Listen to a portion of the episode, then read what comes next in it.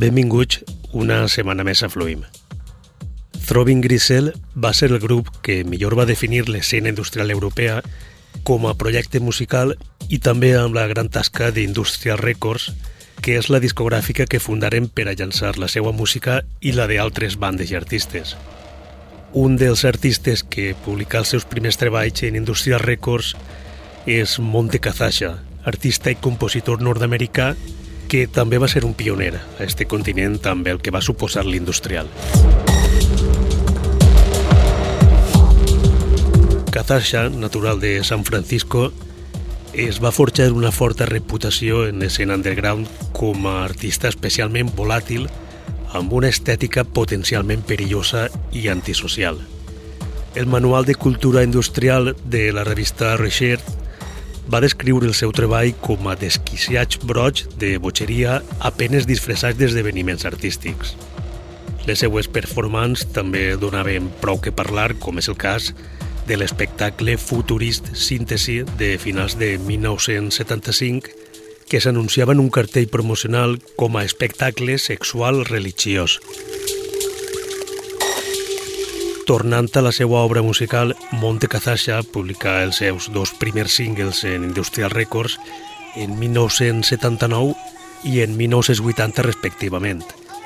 Kick the Habit Man és la segona pista de Something for Nobody, segon disc que publica este artista nord-americà en la discogràfica de Throbbing Grisel.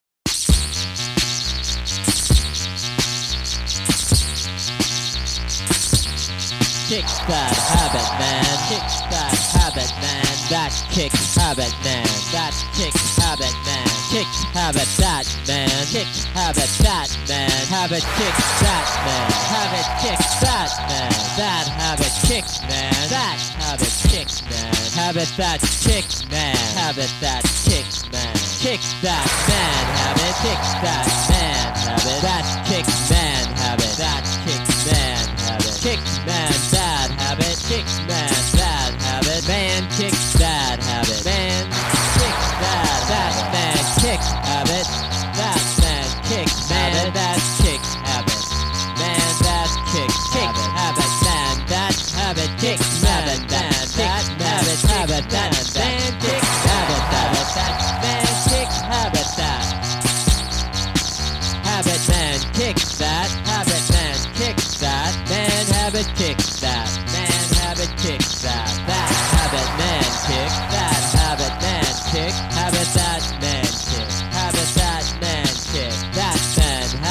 Kick. That man habit kick. Man that habit kick. Man that habit kick. Habit man that kick. Habit man that kick. Man habit that kick. Man habit that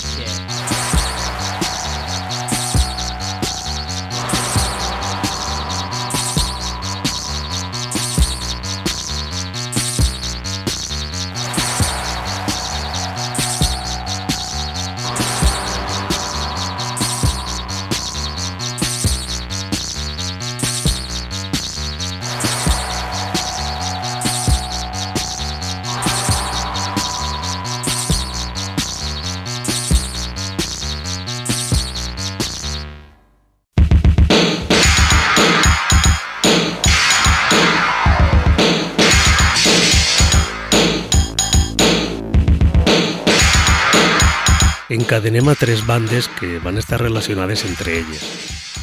Després d'una breu etapa com The Resistors, un grup en seu a Luton, ciutat ubicada al sud d'Anglaterra, es va formar a l'hivern del 1978. La formació de The Resistors estava formada pel guitarrista Steve Abbott, el bateria Steven Dave Harl, el baixista Martin Segovia Smith i els vocalistes Ricky Smith i Paul Wilson. Després de la marxa dels vocalistes en la primavera de 1979, els membres restants de la banda van canviar el seu nom i passar a anomenar-se UK Decay. I Abbott va passar, a més de guitarrista, també a ser cantant. UK Decay són una de les bandes originals que van passar del punk al que després es començava a anomenar gòtic a l'escena londinenca de principis del 78.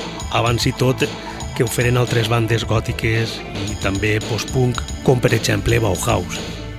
UK Decay publicà diversos singles i un LP per a Free Records abans de formar el seu propi setxell UK Decay Records. El primer àlbum, For the Madmen Only, es va llançar en 1981. Escoltem Unexpected Guest.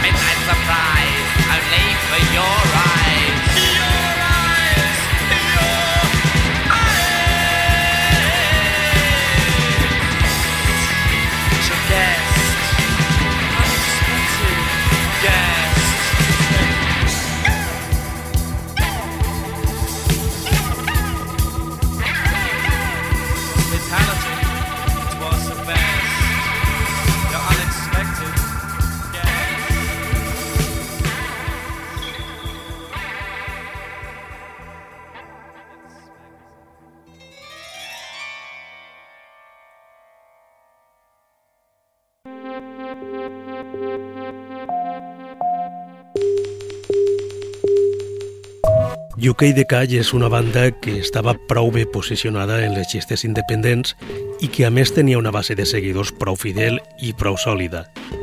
No obstant, els 5 anys de xires contínues que va patir va passar factura i UK de Call es va separar en desembre de 1982.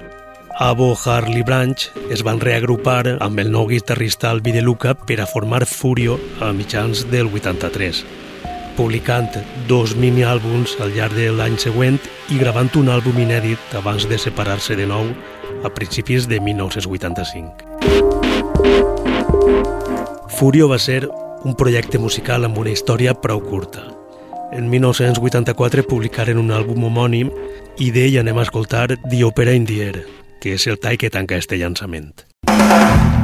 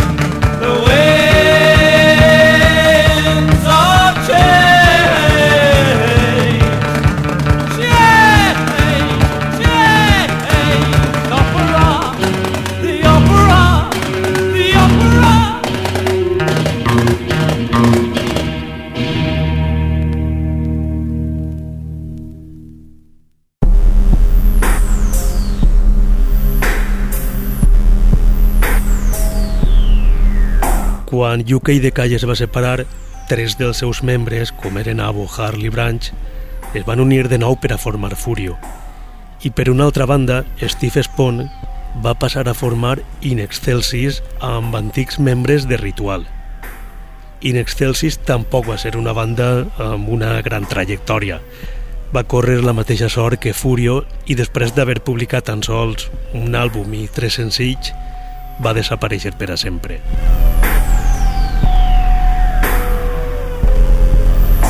En 1983, In Excelsis debutà amb Carnival of Damocles, senzill que firmen el setxell londinenc Jungle Records. The Sword és la pista que obri este disc.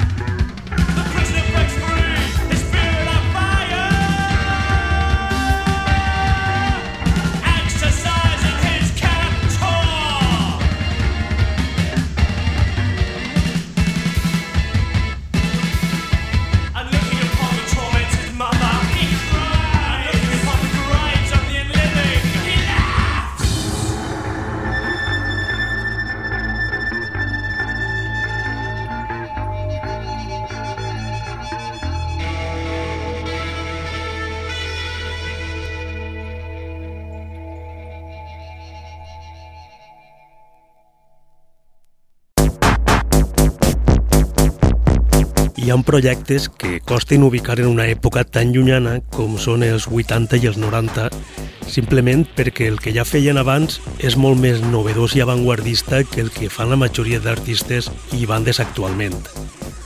Smerge es va formar en 1979 per Mike Mangino i per Chris Shepard. Abans, Mike Mangino havia format part de Pink Noise i després de The Pop Tars, banda amb la qual també va coincidir amb Chris Shepard. Mangino i Shepard formaren Smerge com un projecte experimental de big beat, techno i industrial. I a partir de 1981 començaren a publicar cassets, molts cassets, segons ells massa cintes, a més que també contribuïren a massa recopilacions. Això tot dit per ells, perquè suposa que a molts ens encanta redescobrir la música d'Esmerge, un grup amb un estil molt actual per a tindre tants anys. Dels inicis d'Esmerge rescatem Caracas, el segon àlbum que publiquen en 1983 i escoltem New Mobile Suite.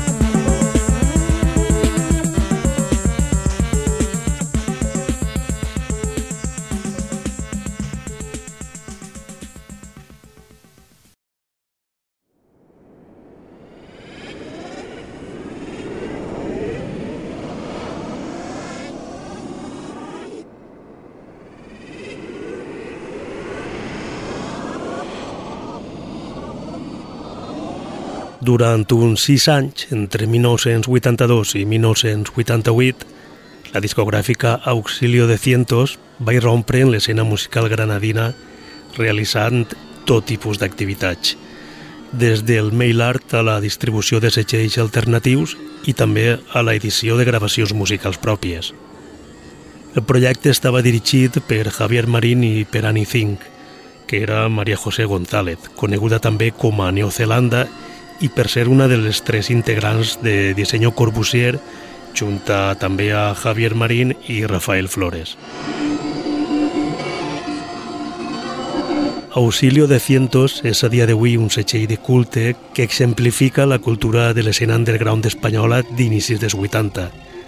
En esta mateixa discogràfica, Neozelanda publica en 1986 un àlbum anomenat Mix Celània. Este disc és una mostra de la fórmula sonora que utilitza l'artista, amb collage sonors i, sobretot, amb grans xocs de veus, a més d'emprar caixes de ritmes i sintetitzadors. La Fanàtica és el quint tall d'este àlbum.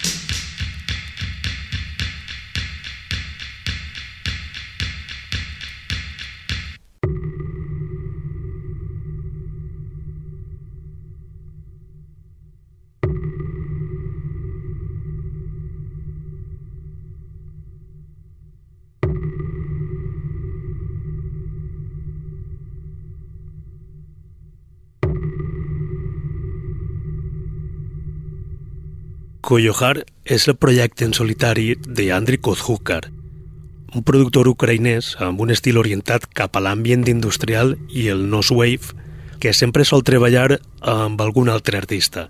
És a dir, que sol publicar els seus treballs conjuntament amb algun altre productor. Especialment ha treballat amb Codisgo en un parell de llançaments. Codisgo és un duo experimental procedent de Rússia. Dotla és un àlbum que publicaren Koyohar i Codisgo en el cèlebre segell alemany Anzen. Un treball que mescla des d'un hip-hop distòpic fins a paisatges insondables i tètrics. Sonorament és un gran llançament. Escoltem Pauline, dècima pista de Dotla.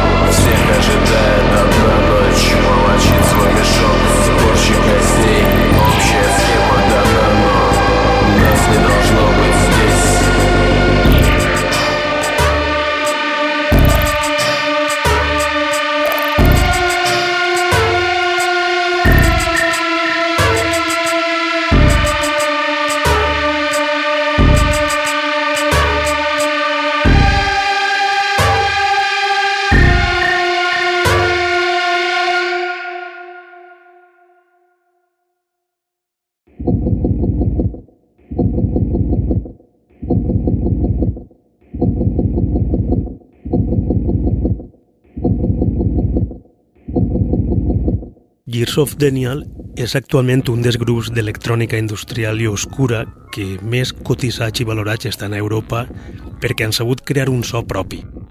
Este duo està format per Jerome Cernellan i Barcosina Hanusova, i encara que Gears of Daniel s'han consolidat estos últims anys amb grans llançaments per a setxells com Bale o com Pigman, de qui anem a parlar ara mateix és de Barcosina. La veu de Barcosina Hanusova és segurament un dels elements que millor associem a un projecte musical com Years of Daniel, i fins i tot a l'actual escena industrial i electrònica europea. Poden dir que el seu cant, la barreja d'harmònics que emet, podria perfectament formar part del patrimoni de la humanitat que tot allò representa, però Barcosina no és només veu. La seva faceta artística no es limita únicament a la seva activitat com a cantant. El seu ventall cultural és ampli, domina diverses disciplines artístiques i amb el seu projecte en solitari només ens mostra una part.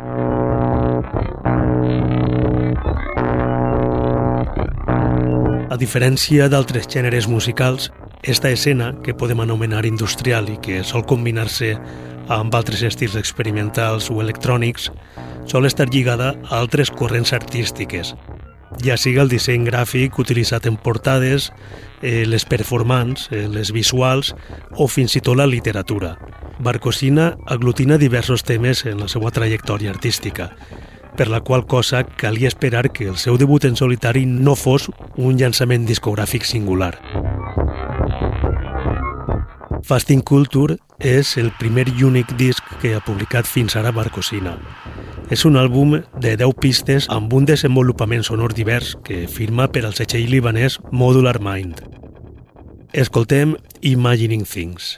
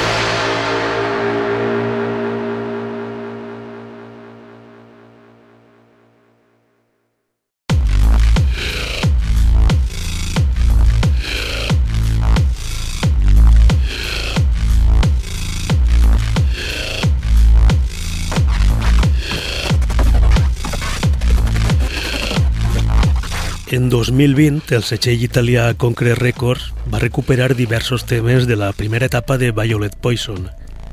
Arxiv 2013-2014 és, com indica l'epígraf, una recopilació de temes creats pel productor italià entre el 2013 i el 2014.